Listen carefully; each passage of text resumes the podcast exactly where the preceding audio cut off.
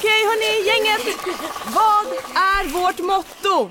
Allt är inte som du tror. Nej, allt är inte alltid som du tror. Nu täcker vårt nät 99,3 procent av Sveriges befolkning baserat på röstteckning och folkbokföringsadress.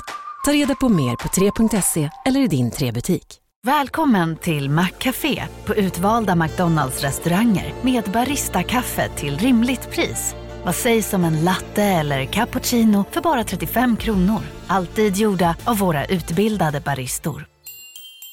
Hej, Susanne Axel här. När du gör som jag och listar dig på en av Krys vårdcentraler får du en fast läkarkontakt som kan din sjukdomshistoria.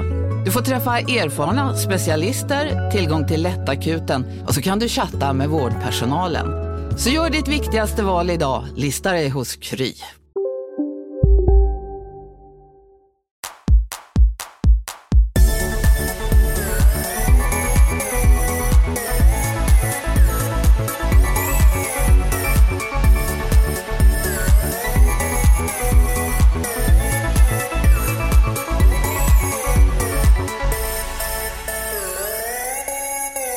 Du lyssnar på Röstskådespelarna, en podcast om Sveriges dubblegendarer. Christian Hedlund heter jag, jag är röstakrobat, podcastproducent och kreativ entreprenör. Och idag har jag med mig en person som både du och jag har mycket att tacka för.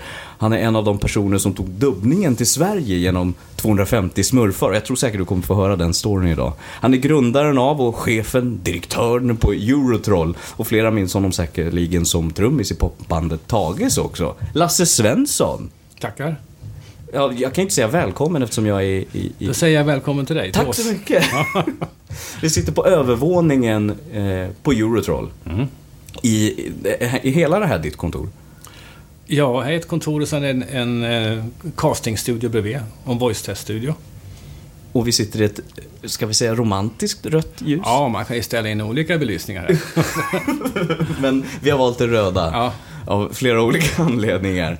Uh, Jätteroligt. Alltså, jag kommer ju att fokusera den här podcasten mycket på röstskådespelarna, de som har dubbat, de som jag växte upp med. Men, och du har dubbat också, men framförallt så tänkte jag att du och jag skulle prata om, om hur det började, för det är det jag är jättenyfiken på. Med dubbning? Ja, och vi ska komma in på det. Men jag Mm. tänker börja från, från starten och bara säga att, att 12 maj 1947 är du född i Järvsö. Ja. Hur, hur var det? Jag kommer inte ihåg det, det var så länge sedan. Det var ju 1947, kommer inte jag ihåg. Nej, 48, 49 då? Ja, jo, det var mysigt att bo där uppe, men sen så flyttade vi till Stockholm. Tidigt då? Eh, Ja, fjärde, femte klass flyttade vi hit. Och så, så då blev du stockholmare ganska omedelbar? Stockholmare, sen Sollentunabo. Jaså? Ja. Var någonstans i Vi Sollentuna? bodde i um, Helenelund, som heter Rosenhillsvägen, ganska fint namn. Aha. Jag blev nyfiken för jag själv bor i, i Sollentuna idag, i, i Norrviken, så jag åker förbi där. Aha. Men, men vilken typ av underhållning växte du upp med då? Ja, all musik som fanns. Eh, när jag växte upp så tyckte jag om till exempel Sammy Davis. Fast jag var så ung. Alla lyssnade på Beatles, Rolling Stones. Visst var det Sammy Davis som de tyckte var i början för ful för att synas på scen? Ja, men han var en jävel att sjunga och steppa Ja, det- och, imitera. Och där fick jag liksom då det här med röster. Alltså han kunde göra alla typer av röster. Faktiskt. Och då blev jag lite intresserad av allt. Både musik och tal och språk. Allting. Men, eh, så det var det som var underhållningen, musiken, inte Ja. TV och så på samma, Nej. naturligtvis inte på jag samma tittade sätt inte som alls det är mycket på TV när jag var yngre. Utan det var att lyssna på skivor. Eh, Så, och Sammy Davis, var det den där första rösten som du kände att men här, här, det här är en inspiration? Det är någon... någon Ja, jag hade inte en tanke på dubbling, för det fanns ju inte dubbling då. Nej. När han höll på. Det kom lite senare. Eh, vad ville, du- ville du bli när du blev stor då? Var du popstjärna från dag ett? Ja, det var det för många. Det var en popstar alltså. Men du var ju en av dem som blev det också. Ja, jag fick ju komma med i en, en bra grupp, Tages då. Va?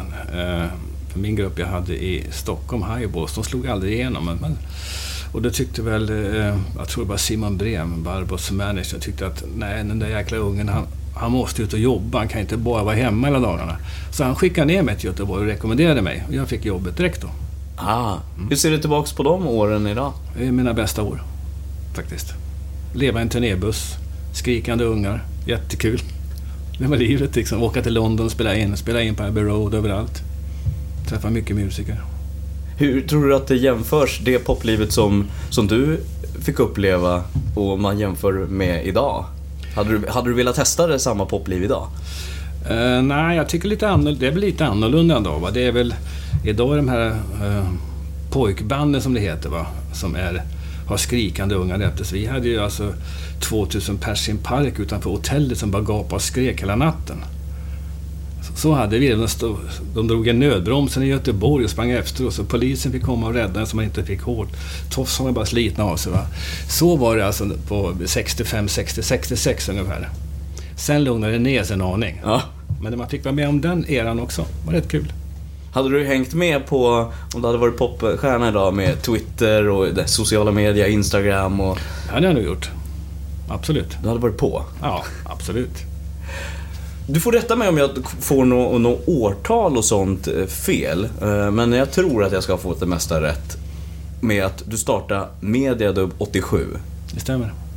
Eh, men innan vi kommer dit, så de här 250 smurfarna. Mm. kanske, rättare sagt, ska börja i videobutiken. Ja, jag startade en videobutik. Först var jag skivproducent på något som heter eh, Fonogram och producerade lite olika artister dansband, sångare, allt möjligt. Men sen fick jag en lite intresse för det här med videobutik helt plötsligt. Jag tyckte om film. Varför det? Jag tyckte om film också. Va? Och då startade jag en videobutik. Det, var, det fanns bara fem stycken i Stockholm då. Jag startade en och så märkte jag att det finns ju inga dubbade barnfilmer. Utan det var ju textat. Så många föräldrar klagade, har ingenting som talar svenska. Jo, vad är svenska barnfilmer? Nej, men de ville ha allt möjligt vad det nu hette. Va? Typ smurfar och allting skulle finnas dubbat för barnen kan ju inte läsa. Då fick jag en liten idé, så då bara gick jag till banken och sa nu får jag låna ut lite pengar till mig för jag måste kunna ta mig ner till Cannes för det finns en TV-mässa där nere. Och jag fick inte mycket med mig, men direkt jag åkte ner och så gick jag runt på den här mässan och sa hej jag ska dubba film i Stockholm, får man köpa några program? Eh, de tittade på mig och sa här var en liten skutt. Men jag fick, kom i kontakt med rätt personer, fick fem, sex filmer med mig hem som jag då kunde dubba. Det blev bara, det var Super Ted och allt vad de hette. Men det var en serie man köpte där som jag fick ju på pälsen av sen då för att jag köpte tre stycken halvtimmar och gjorde en kassett utav. Men det visade sig att den där var 26 episoder, fortsättning, fortsättning, fortsättning. jag fick ju fortsätta dubba den serien tills jag var klar. Uh, och det gjorde jag. Men sen uh, nu blev det väl ett åtal av oss. blev uppringd av en person som hette Jan Stenbeck. Eh, och då var jag på Kanarieöarna på semester. Jaha, och då, då, måla bilden. Du sitter i en solstol. I stort sett. Och får ett samtal att du ska ringa en viss person här. Eh, på någonting som heter... Jag kommer inte ihåg vad bolaget hette då. Eh, de satt på Skeppsbron. Och jag ringde upp. Ja, när det är så här. om ett par, tre dagar så kanske den där raketen vi skickar upp fastnar på himlen och då ska vi starta och börja sända. Och vi ska ha barnprogram. Vi ska ha ett en timme om dagen ska gå. Varje dag i veckan. Jaha, ja okej, okay, kul. Ja, och vi ska, tänkte börja med smurfarna. Du får göra fem smurfar i veckan. Och du ligger en vecka före. Alltså veckan, efter, veckan efter ska det jag dubbar ska sändas. Uh, jaha, tänkte jag. När kan du komma hem? Ja, jag är här i fem, sex dagar till. Ja, men då ses vi imorgon. Då det bara liksom ta ett eget plan hem. Lämna mina barn där. Så, med min dåvarande fru. Och så åkte jag hem och så träffades vi och så fick jag tag i en studio, så fick jag tag i en översättare, Gunnar Ernblad, som var, kunde jobba 24 timmar per dygn. och eh, sen satte vi igång, så raggade jag upp då eh, sökte artister för det här, så hittade jag en och de rekommenderade nästa och han rekommenderade nästa där och så fick jag tag i ett gäng. Och så satte vi igång och översätta och dubba. Och vi dubbade i sån enormt tempo. Bara. En tjej var ju med barn och skulle föda när som helst, så vi ökade tempo ändå mera. Tekniken var blå i ansiktet och slutade. Han såg ut som en smurf. Så efter 250 smurfar, då tog vi en liten paus från det här. Men då var jag inne i, i dubbbranschen så att säga. Men jag måste bara hoppa tillbaka till, du, du är inne i musikbranschen och jobbar med det. Vad, vad var det som gjorde att bara kärleken till film, varför, varför stannade du inte i musikbranschen? Jag var trött på hotell. Jag bodde i en resväska. Aha! I stort sett. Uh, man kunde inte ha ett förhållande som skulle kunna hålla och så vidare. Du var aldrig hemma, du reste 200-250 dagar per år. Uh, du fick aldrig något hem. Jag var trött på stadshotell, jag var trött på motell och allt det här. Så jag tänkte, nej, jag vill stanna hemma nu och bygga upp någonting själv, hemma. Och så var det så att gruppen då började gå isär. Alla ville Mm. söka sig. Tommy ville bli en egen solosångare näst och så vidare. Och vi hade gjort våran karriär. Nu började folk sjunga på svenska. Och tyckte vi var konstigt att sjunga på svenska. Så, men då märkte vi att det kom en ny, en ny era av musik. Inte våran era. Då la vi av, Aha. helt enkelt. Och då började jag med det här, för här fick du umgås med samma typ av människor. Artister, skådespelare, musiker. Så det fortgick, så att säga. Jag ska förklara för kanske de yngre lyssnare som plockar upp det här och vi slänger oss med massa namn men Jan Stenbeck var ju chef för Kinnevik och MTG-koncernen. heter Han finns ja. inte kvar i, Ja, idag. nej. Eh, och eh, när du pratar om Barbro så är det naturligtvis Lill-Babs som är, Ja, just så heter ja, han. precis. som är din stora syster. Ja. Eh, så att det här finns ju, musiken finns verkligen Ja, i, jag är född med den, så att familjen. Eh, Men, men filmintresset, vad är det för typ av film som, som det grundar sig i? Är det de klassiska filmerna eller action eller något speciellt? Nej, jag typ av- gillade, jag gillade alltså barnfilm själv. Jag, tyckte var, jag gillade tecknad film. Jag var bara, tyckte om det, inte bara James Bond som kom. Så att, ja, det älskar jag också va, då, men jag älskade tecknad film. Men, eh, för jag kunde ju läsa. Ja. Och så var okej. Men jag tyckte det var jättekul. Man såg ju fram emot jularna va, när det kom Scooby-Doo vad det var, fast det var på, på, på engelska och så vidare. Och då fick jag jätteintresse för det. Så vilka var med i starten? Gunnar Ernblad nämnde du som, som kommer att gästa den här podcasten i ett framtida avsnitt Ja, också. han översatte och var med själv och dubbade. Och han satt med en... eh, Det var inte ens elektrisk skrivmaskin. Det var en sån här gammaldags dunk, dunk, dunk, dunk, dunk. Han satt och gjorde allting. Dygnet runt jobbade han. Han gjorde med nästan två halvtimmes episoder om dagen. Det klarar nästan ingen idag. Oj. Fast man har datorer. Eh, Och så var det Stevie Kratz, Andreas Nilsson. Eh, var det mera som var med Smurfarna? Ah, jag kommer inte ihåg vilka som var med nu, men det, det jag fick ett jätte... Bert-Åke Varg var med och det var alla möjliga som hoppade in helt plötsligt. Den ena rekommenderade den andra, alla ville dubba. Helt plötsligt ville alla vara med och dubba. Fast eh, vissa tyckte att dubbning var inte tillräckligt fint Jaså? på den tiden. Du behöver inte nämna någon namn, Nej, men vad, vad, vad, vad sa man om det? Tyckte man det var Nej, det liksom- där var väl ingenting att hålla på med. Liksom. Det, man, ska vara, man ska vara på Dramaten eller Stadsteatern, och man ska vara eh, alltså, skådespelare. Inte börja prata eh, i, i smurfar eller i något annat tecknat. Så var det bland många. Enormt motstånd. Inte enormt, men jättestort motstånd. Men det lossnade med tiden när de fick pröva på själva hur roligt det var. Ja. Hur, hur ser det ut idag? Är det, är det mer accepterat dubbningen? Ja, jag, jag vet inte hur jag ska kunna göra för att stoppa alla som vill dubba. Alla vill dubba. Det kan vara en taxichaufför, det kan vara en stor skådespelare på Dramaten. Alla tycker det här är så jävla roligt. Ursäkta uttrycket, men så, men så är det. Det är roligt idag. Ja. Men är... Jag hade egentligen tänkt vänta med den här frågan, men jag, jag sm- smyger in den nu. Är dubbning fulkultur eller finkultur? Det är så fint det kan bli. Så enkelt är det. För det, det- är en svårighetsgrad som ligger jättehögt över, eh, tycker jag, en direkt... Man ställer sig på en scen och spelar, för då kan du tala ditt eget tempo, du kan göra som du vill mera. Här ska du följa en amerikansk, eller en tysk eller en engelsman som, som din förkollega i bild. Du ska följa honom helt enkelt. Du gör det, du har det mycket svårare än vad de har i original. Och sen blir resultatet väldigt bra. Så är det bara. Men kommer vi, för vi har ju inte Jag skrev på nämligen en lista nu i, i, i höstas. Hösten 2014. Jag vet inte om det är första gången jag skriver på den. Men för att eh, en, det ska bli en Oscar för röstskådespeleri i USA. Nu är det röstskådespeleri på amerikanska marknaden är någonting helt annat än det vi sysslar med i Sverige oftast. Men det finns ju ingen Guldbagge, det finns ju Voice Actors Award sådär. Men, men hur kommer det sig att det är Vi så har, tror du? vi har ett pris. Det är alltså, vi vann Skandinaviens bästa dubb Charlie och Lola. Och det var ett år och så vann vi andra pris i, också i samma tävling så att säga för dubb. Så vi vann två priser, första och andra pris. Men sen tyckte då det här eh, skandinaviska gänget som hade TV-bolagen att man ska inte tävla i dubbning. Så det lades ner. Varf, varför då? Nej, man ska inte tävla. Alltså, då ska alla vi studios tävla mot varandra. Vem gör bäst dubb? Och det tycker man inte att man ska göra. Men det går att tävla i så mycket annat? Ja, det gör det, men eh, det är svårt att tävla. Det beror på också. Att tävla i dubbning, det är jättesvårt egentligen. Det är tycke och smak och vilken film du har fått eller vilka serier du har fått under året som studio. Eh, vilken är bäst och vilka man får lyckas få tag i de bästa skådespelarna och så vidare. Så att, eh, men jag vann, men jag vann inte på några vuxna människor. Det var två små barn som gjorde Charlie och Lola. Då vann vi. Det är roligt. Det är en av mina favoriter också. Men tillbaka till det här med, med, med starten och så. Vad, kommer du ihåg vilken din första roll du gjorde var? Alla bovar. Gangsters, jag hade inga namn på dem. De fanns, det stod bara bov 1, bov 2, bov 3.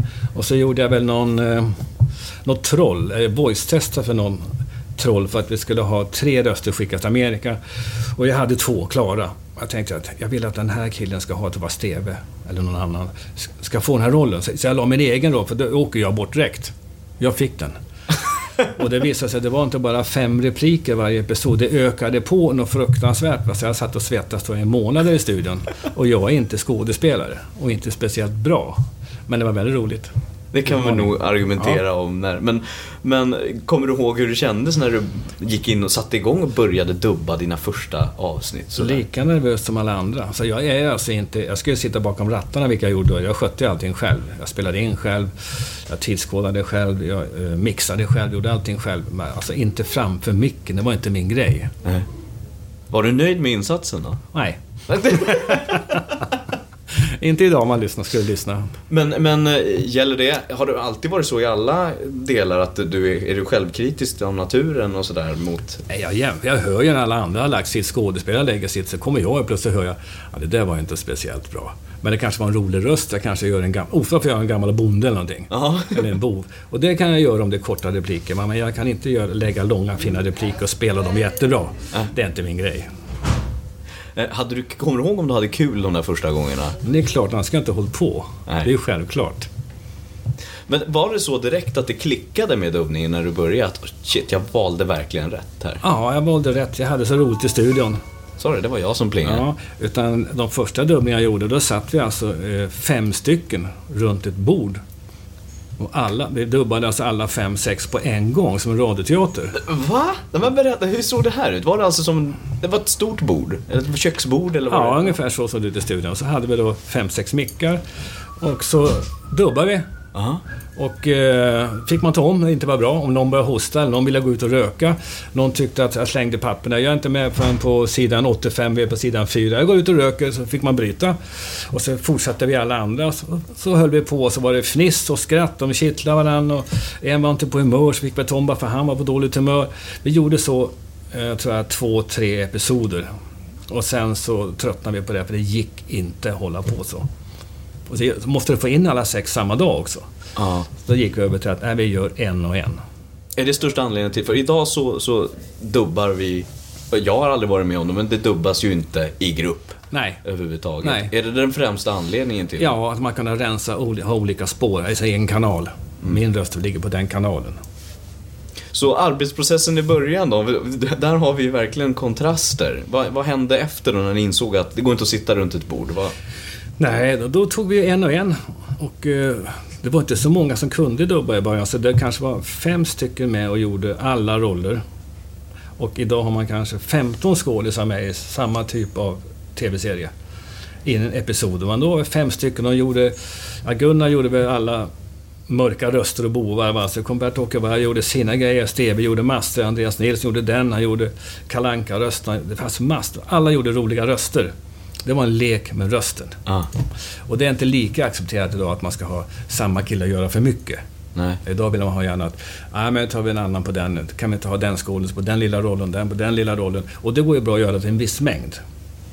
Men även skådisarna vill göra fler roller. Har du någon sån här antal som du sätter som minimum när du gör en serie? Att jag vill ha så här, så här Nej, mycket det, det, på det är olika på vilka serier det är. Hur de ser ut. Och idag är det lika mycket live action som tecknat. Då är ju en naturlig fråga, var det bättre förr? Eh, nej, det kan jag inte säga. Säkert teknik har gjort att det blir lättare. Det går fortare för skådisen för man kan ta om direkt. Förut fick man, alltså, nu kan man klippa in en replik. Eh, förut fick man backa och ta om alltihopa. Så det är väl lite, nej det är enklare idag. Faktiskt. Det var analogt förut med 24-kanalsband och så vidare. Men den här historien där runt bordet då, var, var det mediadubb det? Eller var det innan mediadubb? Nej, det var mediadubb. Faktiskt. Hur länge höll du på med mediadubb? Tills jag blev uppköpt av Stenbecks bolag. Just det. Och sen, då startade du... Ja, jag sålde inte alltså med, med vilja. Jag blev tvingad att sälja, för jag hade bara en kund. Och det var de? Och de satte pistolen i pannan och sa vi vill köpa det. Jag sa nej. Ja, men du har ju hus och hem och, och kontrakt. Vad ska vi hem? inte ha något kontrakt, vad gör du då? Jag säljer väl till er då. Då gjorde jag det. Så ska jag jobba kvar i fem år. Jag jobbade fem dagar, sen hoppade jag av. Stäm mig så. Vad var det som gjorde att det inte kändes, kändes bra på det sättet? Nej, jag vill inte sälja. Jag blev påtvingad. Ja. Det var ju den eran då de köpte upp allt de kom åt i media. Och du, du bara gillade inte det av din egna princip? Absolut eller? inte. Utan jag startade eget direkt och fick Filmnet för fem språk. Och dagen efteråt så kastade vi ut dem i studion. Sen fortsatte jag.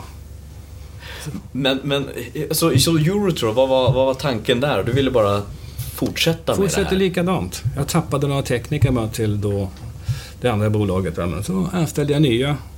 Och någon tjej, Annika, som jobbar hos mig nu, hon jobbade, hoppade in då också. Och så satte vi igång och dubbade massor för just Filmnet. Så började det. Igen då. Hamnade du i de här lokalerna direkt? Nej, oh nej. Jag, hade en, jag hyrde en lokal av min syster faktiskt på Gästrikegatan. En potatiskällare. Där hade vi tre studios. Jaha. Ja. Först två studios, sen hade vi tre. Eh, och där jobbade vi ganska små studios. Men det gick jättebra. Och var det samma, höll du kvar vid gänget de, från ursprungliga Mediadub, ni som hade Några. startat? Okej. Några. Och de som var med då efter det här, de är kvar fortfarande. Efter alla år. 15 år, 16 år. Det är Hasse, fantastiskt. Hasse i 20 år och så vidare. Men hur hamnar För att idag ligger vi på, eller ligger Eurotroll på Narvavägen, det är där vi sitter. Och just nu. Och eh, det är ju Gamla Alléteatern hette det här förut va?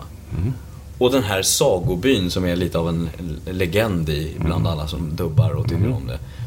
Berätta om, hur hamnar du här? Ja, jag brukar åka och käka här ibland på Eriks eller, på någon, eller ute på Djurgården och köpa glass. Och så åkte jag förbi här varje dag. Den där teatern här skulle man ha en studio.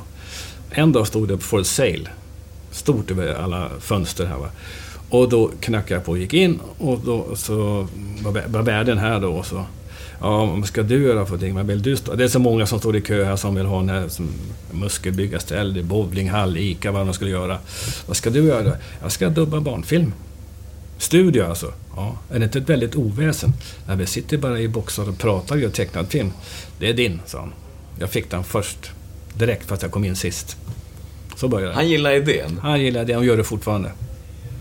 Och den här byn då, sagobyn som du har byggt upp, var, kom den idén? Ja, jag fick ju, vi rev ju ner allting och så fick man en chans att bygga exakt som man ville och jag ville inte ha en studiomiljö.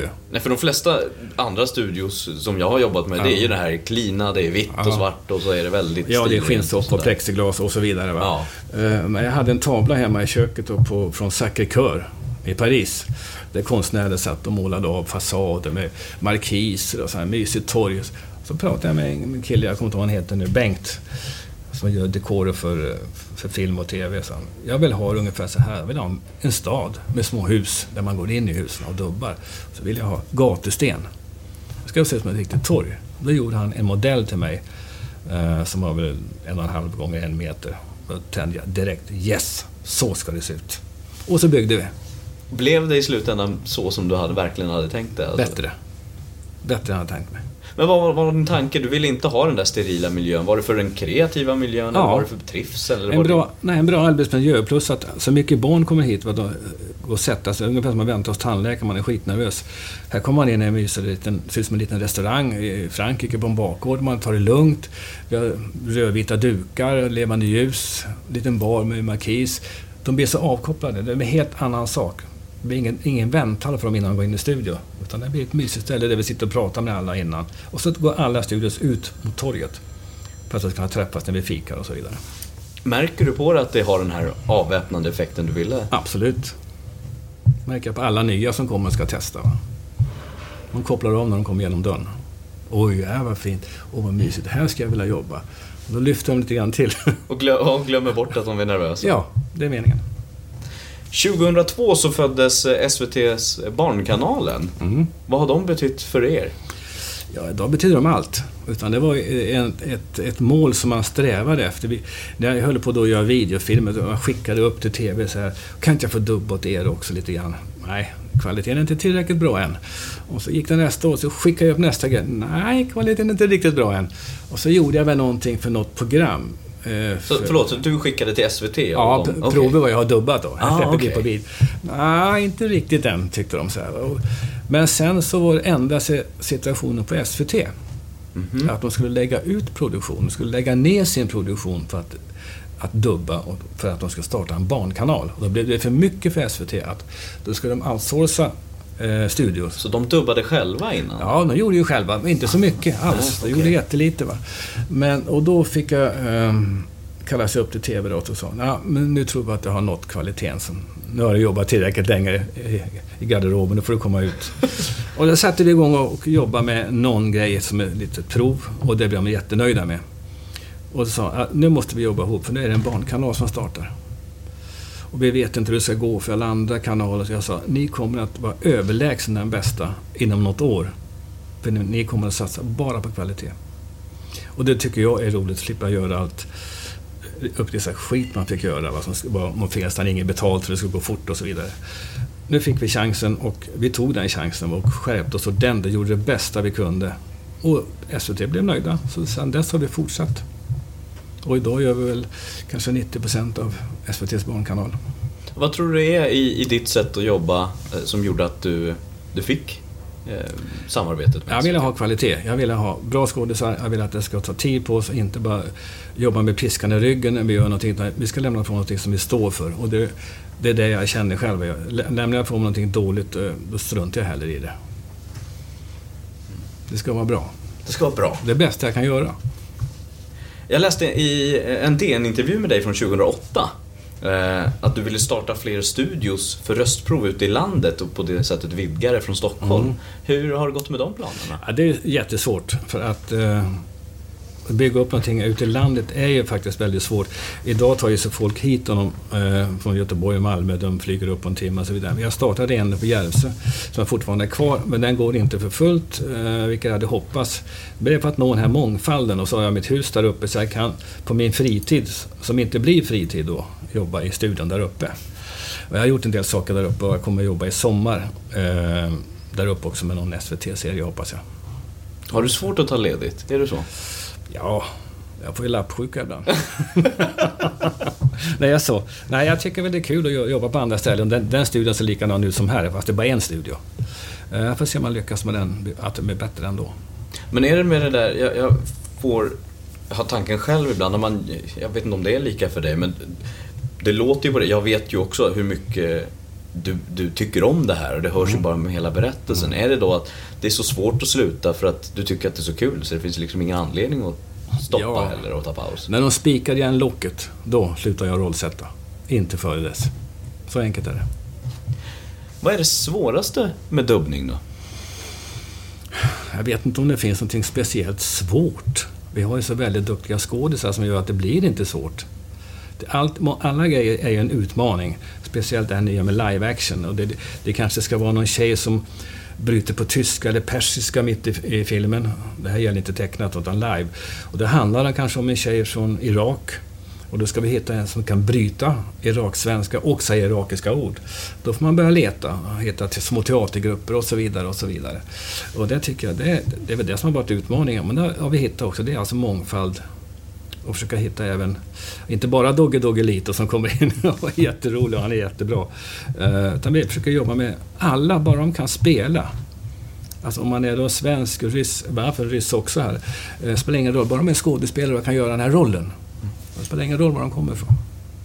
Du sa en grej till mig när jag var här, en utav, jag tror det var första gången, så pratade jag väldigt mycket om... Alltså jag, jag är inte skolad skådespelare och hade en, innan jag hade, fick ynnesten och chansen att prova det här så hade jag en jättehög ja, men, eh, föreställning om att jag var tvungen att gå skådespelarutbildningar och, och, och sådär. Jag tänkte för de som sitter och lyssnar på och vill dubba, är, är den här skådespelarutbildningen, att ha gjort teater på stor scen, är det nödvändigt eller vad?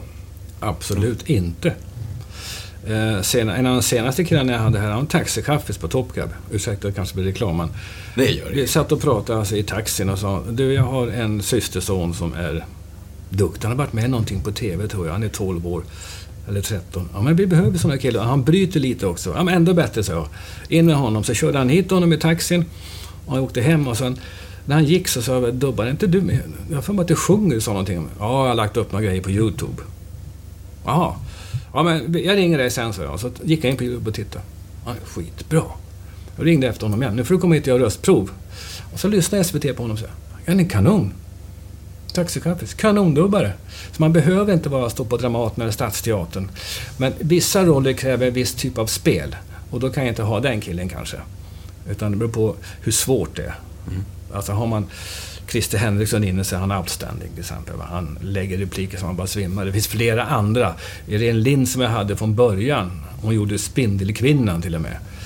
Hon dubbar fortfarande. Hon är helt outstanding för hon har en röst som man hade liksom, talar sig fint på svartvit film. Lite grann där har ta. Va? Och det är så enormt bra. Ingen kan göra som hon då idag. Utan då finns de här gamla, men då är de alltså garvade skådespelare. Men eh, man ska ha sådana med, man ska ha nästan nybörjare med. Alla musikalartister vill ju dubba. Och de, 90% av musikalartisterna, eller körtjejer eller danstjejer, som är med i musikaler, de är väldigt duktiga på det här. För de har tajmingen och allting, de är vana att sjunga och köra och spela och agera. Så att när jag gör en voice test här så gör jag så att jag försöker lära dem att inte sitta på händerna, utan röra sig och göra kroppsspråk. Så häromdagen, utan att eh, min intervjuare vet om det, så filmar jag dig med min eh, mobiltelefon. Filmade du med? Ja, filmade, filmade i studion. För då hade jag en liten unge med mig. Här. Och jag menar så om att inte sitta på händerna, sitta stelt, utan agera och kroppsspråk. Titta på den där killen, han är helt galen. Han slår nästan sönder micken när och hoppar. Så ska man göra. och det här visar jag för de här som kommer. Så här ska ni agera med kroppsspråk. Så att du är på film. Ja, det här var nytt för mig. Ja. ja. Det var roligt. Mm. Nej, jag har, det har ju varit, jag har ju till och med fått tona ner det för att jag fladdrar för mycket ibland. Absolut inte. Någon gång har jag slängt in mig in i väggen till och med. Ja, ja men det är bra. Ja. Det, är kanon. det gör ingenting. Ja, men då blir spelet tio gånger bättre. Så är det. Finns det någonting, om vi då tog det svåraste, finns det något som klassas som, som lättare inom dubbningen? Nej, det tycker jag inte. Utom, många tror att talar man saktare är väl lätt, det är ändå svårare. Då är det ändå svårare att lägga spelet. Alltså svårt, live action är ju svårare på sätt och vis än tecknat. För att en live action måste hitta en karaktär som stämmer med utseendet och allting nästan, med röstläget och allting. Ingen vet hur en tecknad åsna låter. Och det kan du lägga, och en elefant, det kan lägga en rolig röst som helst. Va? Så att det här med live action är ju något svårare fast väldigt roligt.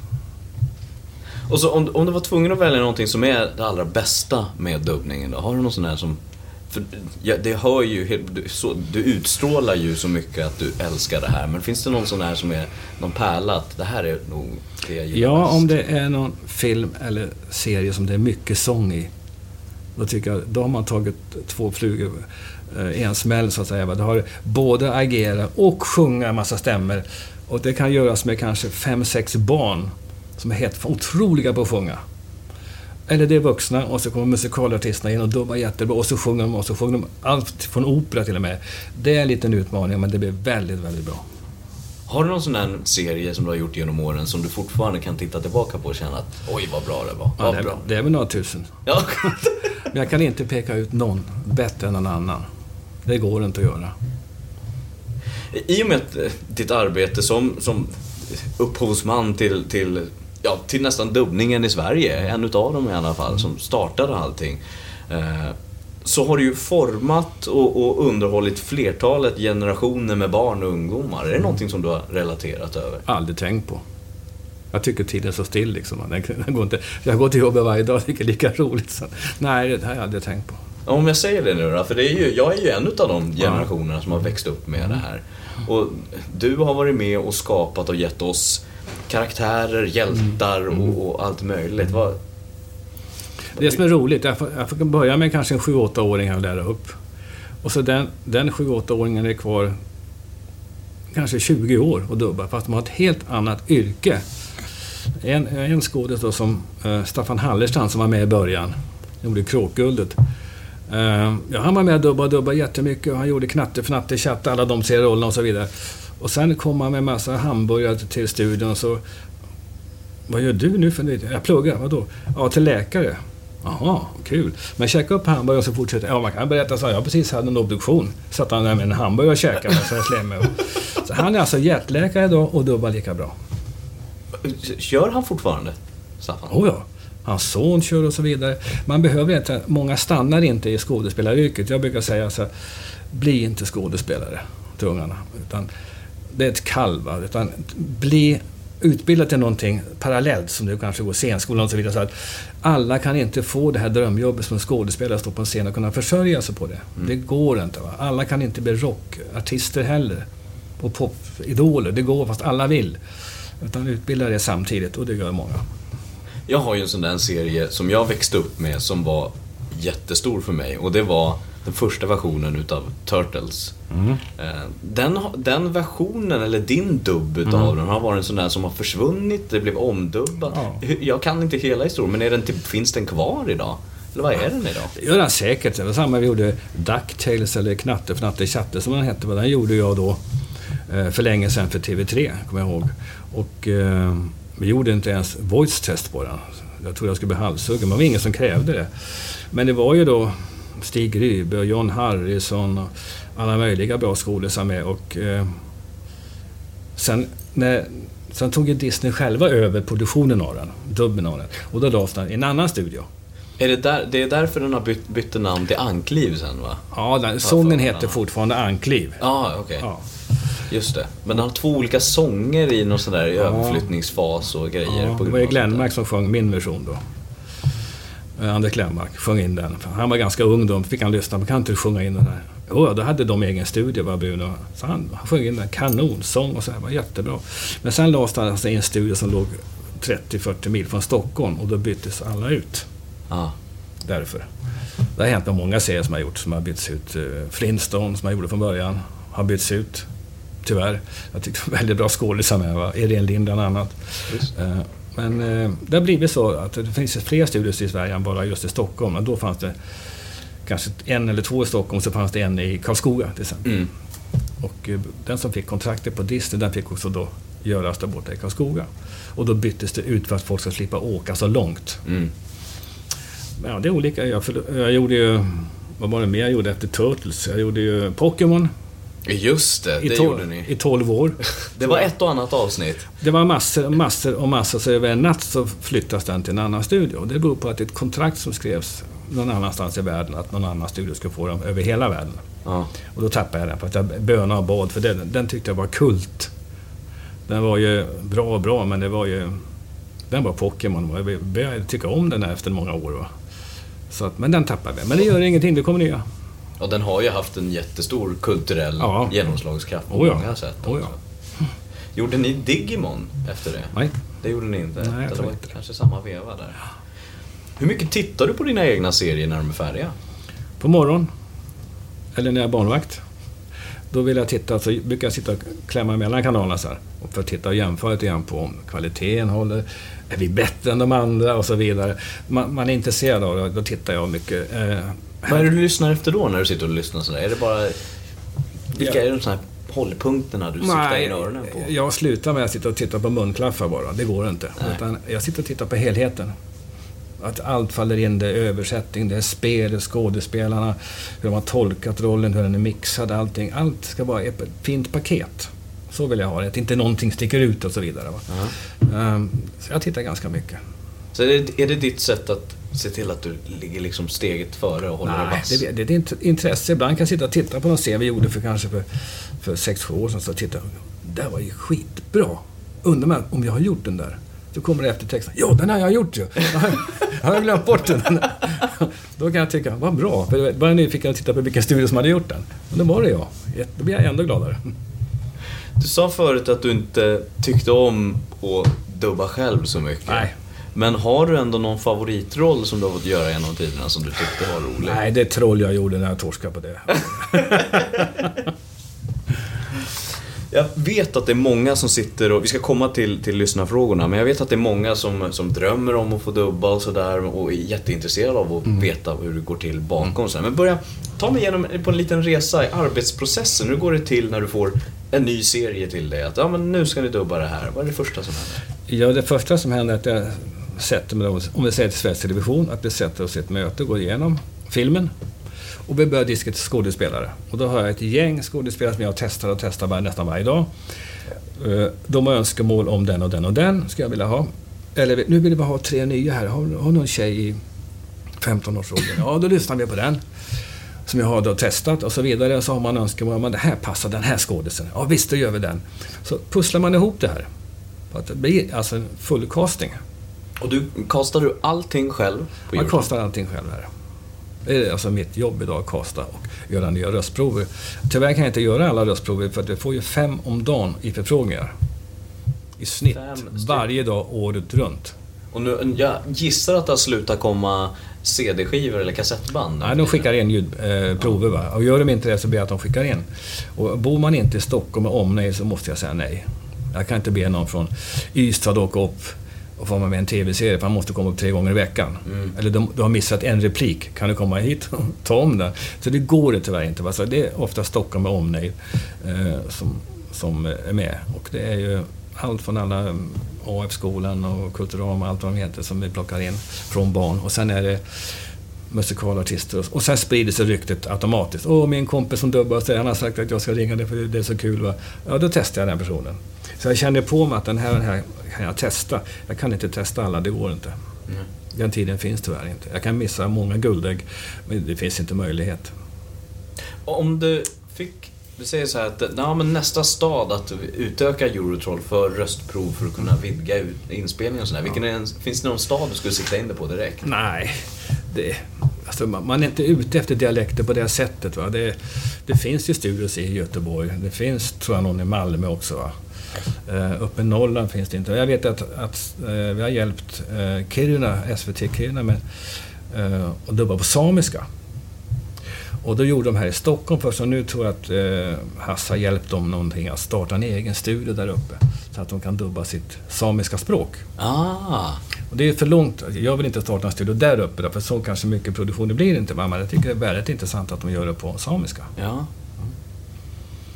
Men det här med dialekter, det vet jag att vi pratade lite Vi fick en lyssnarfråga, jag, eller jag fick en till Annika Smedjus i förra avsnittet. Och pratade lite. Hur, kommer hur tänker man kring dialekter i dubbning idag? Man tänker att väljer jag en skådespelare, han är från eller hon från Göteborg. Då kan man prata sin dialekt. Han behöver inte prata, eller hon, rikssvenska på allting. Utan, men det kan också bero på hur, vad, vad serien handlar om. Är det ett gift par i en by där och där och så vidare och deras barn, då måste de hålla sig till samma område ungefär. Va? Eh, Så man får tänka till lite grann så man inte blandar fem dialekter i en familj. Det går inte. Nu blir det den här klassiska Kinderäggsreklamen som Ja, alla kommer ihåg. ja, precis. Ja, men det, sju det, olika dialekter. Ja, det blir inget bra. Utan säga, du, jag, förlåt men jag bryter lite på värmländska. Kanon, säger jag. Det är jättebra. För de kan ju alltid rikssvenska. Mm. Men ska de prata värmländska i en serie, då vill jag att de ska prata på äkta dialekt. Inte föreställa, hitta på något göteborgska eller värmländska. för Det hör ju de väldigt väl. Ja. Då ska det vara äkta. Sådana. Ska vi smyga in på, på, på lyssnarfrågorna? Lite grann. De har kommit från alla möjliga håll och kanter. Jag börjar med frågor från, en fråga från dubbningshemsidans forum. Från Anders som skriver eh, Jag hade gärna fått reda på vilka röster Lasse Svensson gjorde i tv-serien James Bond Junior. Mm. Kommer du ihåg det? Ingen aning. jag försökte faktiskt att titta på den där förut, för jag fick den frågan av dig att kolla på den här. Eh, Jag hittade inte James Bond Junior. Vi- hade ingen data på den tiden. Manusen hade jag på vinden som jag sen eldade upp, för jag, det tog större plats än möblerna. Eh, För alla skolor så fick nämligen ett varsitt manus på 40, 50, 60 sidor. Så det var packa på varje episod. Så jag var tvungen att elda upp. Och jag sparade dem inte och jag vet inte, jag vet knappt att jag har gjort James Bond Junior. Han har en gissning här Anders. Han gissar att han gjorde rösten till Dong eller Hajen Jaws. Då denna inte låter som någon av de övriga skådespelarna som nämns i vignetten. Det kanske var en dum fråga och irrele- irrelevant. Nej, det var det inte. Det var roligt. Jag kanske gjorde Hajen. Vi säger det här och nu. Ja, ingen vet hur hajen en haj låter, men det måste vara jag. Ja, det hade varit Ja, så. det är jag. Fragor at rostskadespelarna.se är mejladressen du skickar frågor till. Och Katarina Larsson skriver så här. Hej Christian! Jag hoppas jag inte kommer för sent med frågor. Nej, det gör du inte. Eh, hur många nya aspirerande eh, röstskådisar hör av sig till Eurotroll varje dag, år? Eh, och hur många hör, ni, eh, hör du av dig tillbaka till? Snitt fem om dagen som jag sa tidigare. Ja, precis. Får vi. Och vi får från hela Sverige. Va? Och vi kan få från alla yrkeskategorier. Att min man tycker jag har så fin röst. Eller min fru tycker det. Mina barn tycker det och det. Och så eh, vill de komma och dubba var de än bor. Och jag säger först tittar jag var de bor någonstans och säger nej tyvärr, det går inte. Bor de i Stockholm med omnejd så, så jag säger åt dem är vi intresserade så hör vi av oss. Eller skicka ett röstprov innan ni kommer. Va? För vi har så ont om tid i alla fall. Och låter röstprovet väldigt bra, då ringer jag efter dem.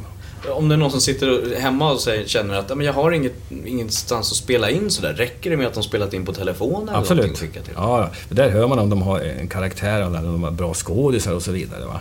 Men är bara, det kan vara bra att säga, jag är trött på en för, ehm, typ av inläsning som jag får. Jag skrattar varenda gång. Nej, nu är det bockarna brus igen.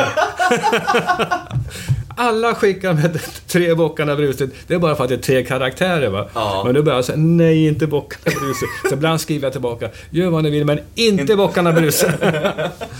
nej, det vill jag inte ha. Gud, jag tror till och med jag har gjort Bockarna Bruse. Ja, du ser. Ja, men jag har fått kanske hundratal varianter. Jag tror jag ska göra en egen CD på alla olika varianter.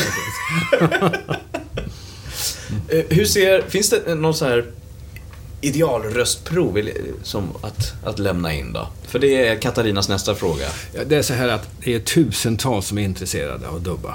Men vi kan inte plocka in alla. Och det är inte bara jag som bestämmer. Jag har ju kunder som SF och amerikanska kunder. Jag har alltså SVT som har önskemål. Så att de, lig- de har inte stor chans, så att säga. Så att det händer ibland att jag tycker synd om en flicka från Uppsala som har jobbat jättehårt för det här och hon sliter. Jag tog jag hit. Men kom hit, när du, ring mig när du ändå är i Stockholm så gör vi röstprov. Bara för hennes skull. Sen fick hon ju inte jobb. Men ehm, det, är svårt att säga, det är svårt att säga nej, men är, jag måste säga nej ibland. För vi kan inte ha tusen stycken i registret.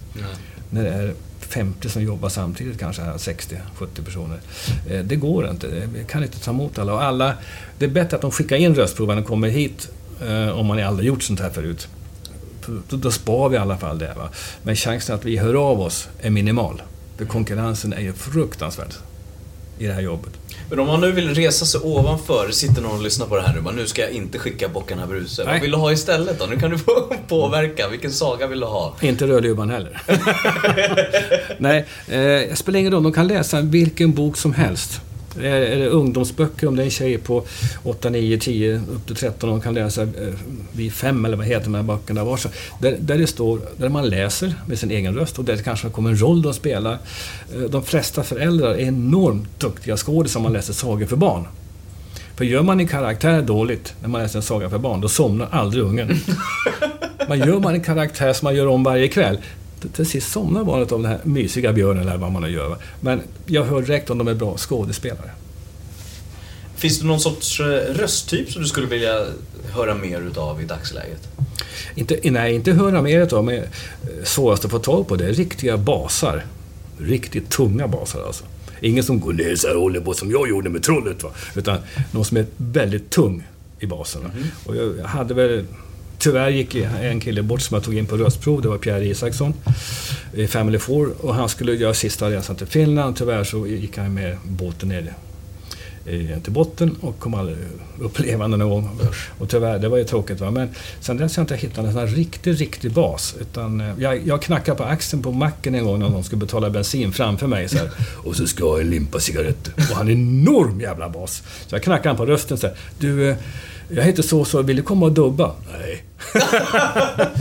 men nej direkt. Då visade det sig att han sjöng i en kör, tog radiokören. Men han hade ingen intresse av att dubba. Har du med dig det örat överallt du går? Kan du, när du står på macken eller står på Ica eller något det, det var ju just, nej alla röster känner jag igen sådär, typ, men just basar, djupa riktiga basar.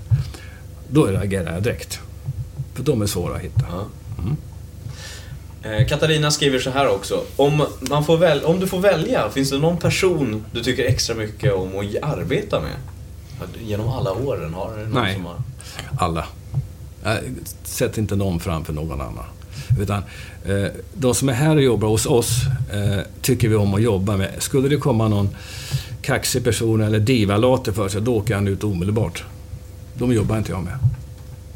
Jag måste ju ställa en fråga då, för att en av mina idoler och en av mina favoritröster var ju John Harrison som Ja. tyvärr inte finns med oss Nej. längre. Hur var han att jobba med? Kanon. Han gjorde ju Ior. Jag gjorde, dubbade honom i Ior. Och då översatte, tror jag, Gunnar Emblad också. Men han ville inte... Gjorde inte Gunnar Ior sen också? Det vet jag inte, men jag gjorde det med, med John Harrison. Men han ville inte läsa den översättningen. Han tog hem kassetten och så översatte han själv sina repliker. Han, ingen kände Ior bättre än John Harrison. Gjorde han inte samma sak med Joakim von Anka också? Eh, jo då, han ville översätta sina repliker själv och de blev ju fantastiska. Alltså, han var helt otrolig på det. Då accepterade han, han accepterade ingen översättare, utan han skulle själv göra det. Men det visar ju på en, en sån här en passion som, och, och, och för sitt jobb som inte kommer... Liksom, Ja. Någon har berättat historien om. Ja, ja. Vi hade ju Tor Isedal var med i samma. Och han eh, och Margareta Krok och Tor Isedal var de enda som fick röka i studion.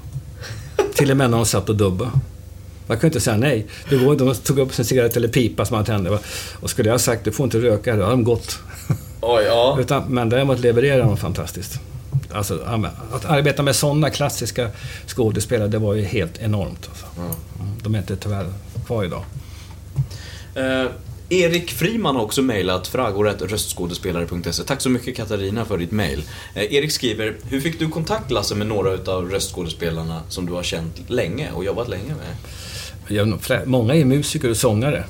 Och jag har ju varit i branschen hela mitt liv som skivproducent, som trummis, eh, haft en videobutik och börjat dubba. Så jag känner alltså jättemycket av alla artister.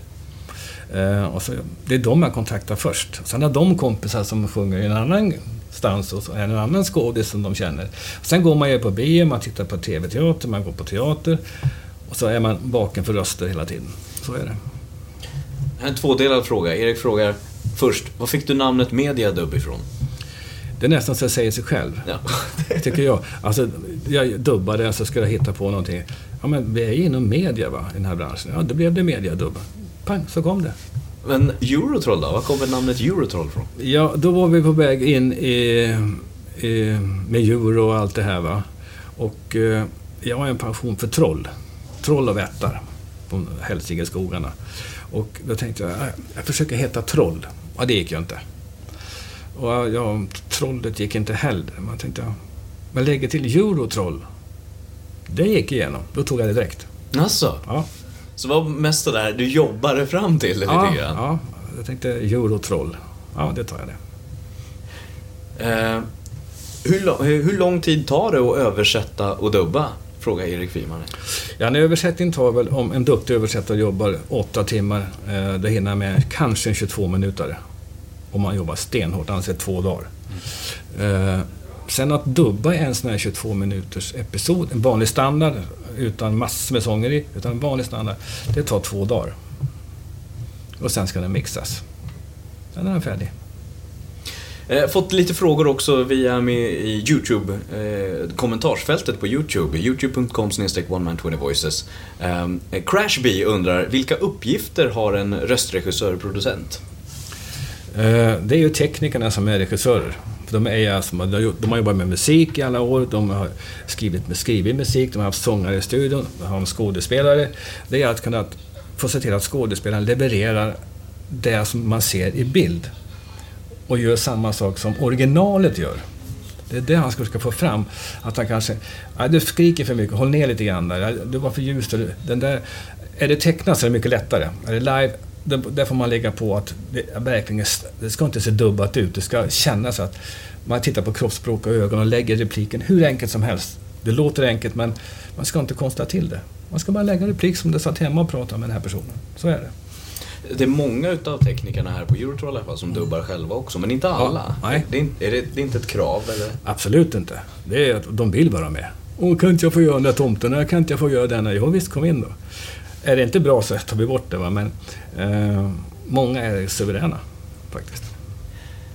Ehm, ska vi se nästa fråga på, från YouTube. Eh, det är THX2238 som frågar Vilket är de bästa respektive sämsta ögonblicken som du upplevt inom dubbningsbranschen? Vi börjar med, med, börjar med det dåliga så slutar vi på en positiv. Jag har inga dåliga. Du har inte? Nej, det skulle jag inte fortsatt. Så enkelt är det. Det blev bara bättre, bättre och bättre. Det var väl det då när tjafset där blev med det här så kallade mediadubb då.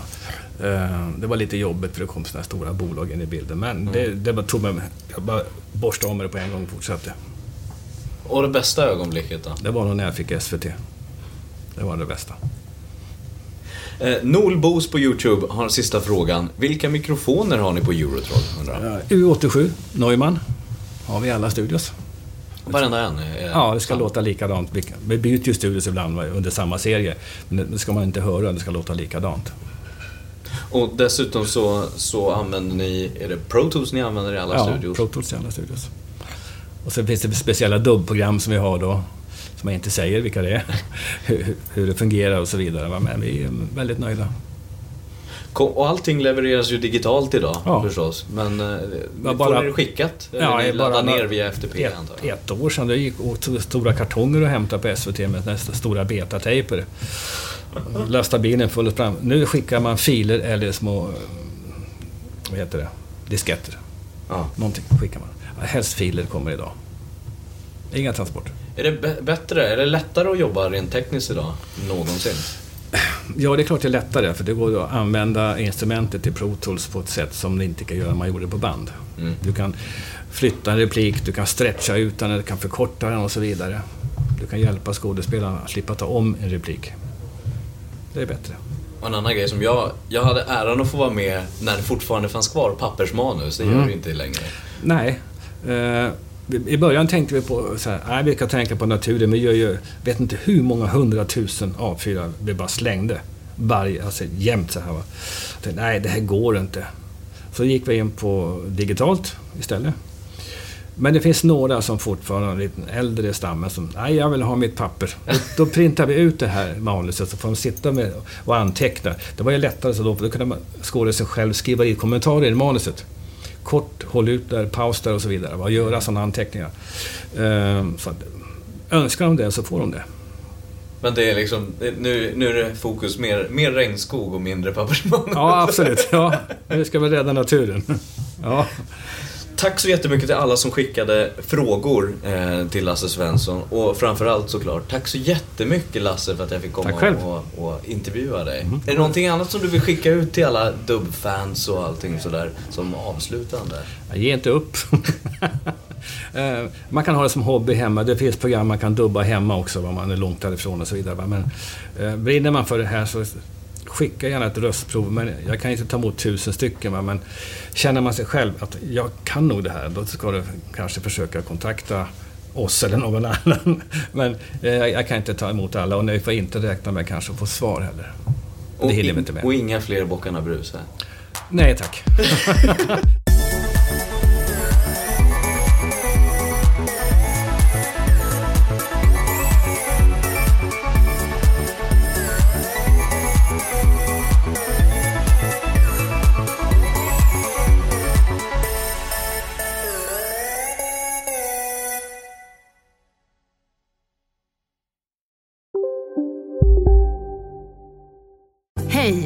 Synoptik här.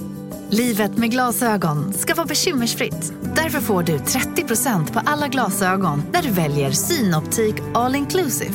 All service ingår alltid. Välkommen till Synoptik. Ni är med om det största. Och det största är den minsta. Ni minns de första ögonblicken.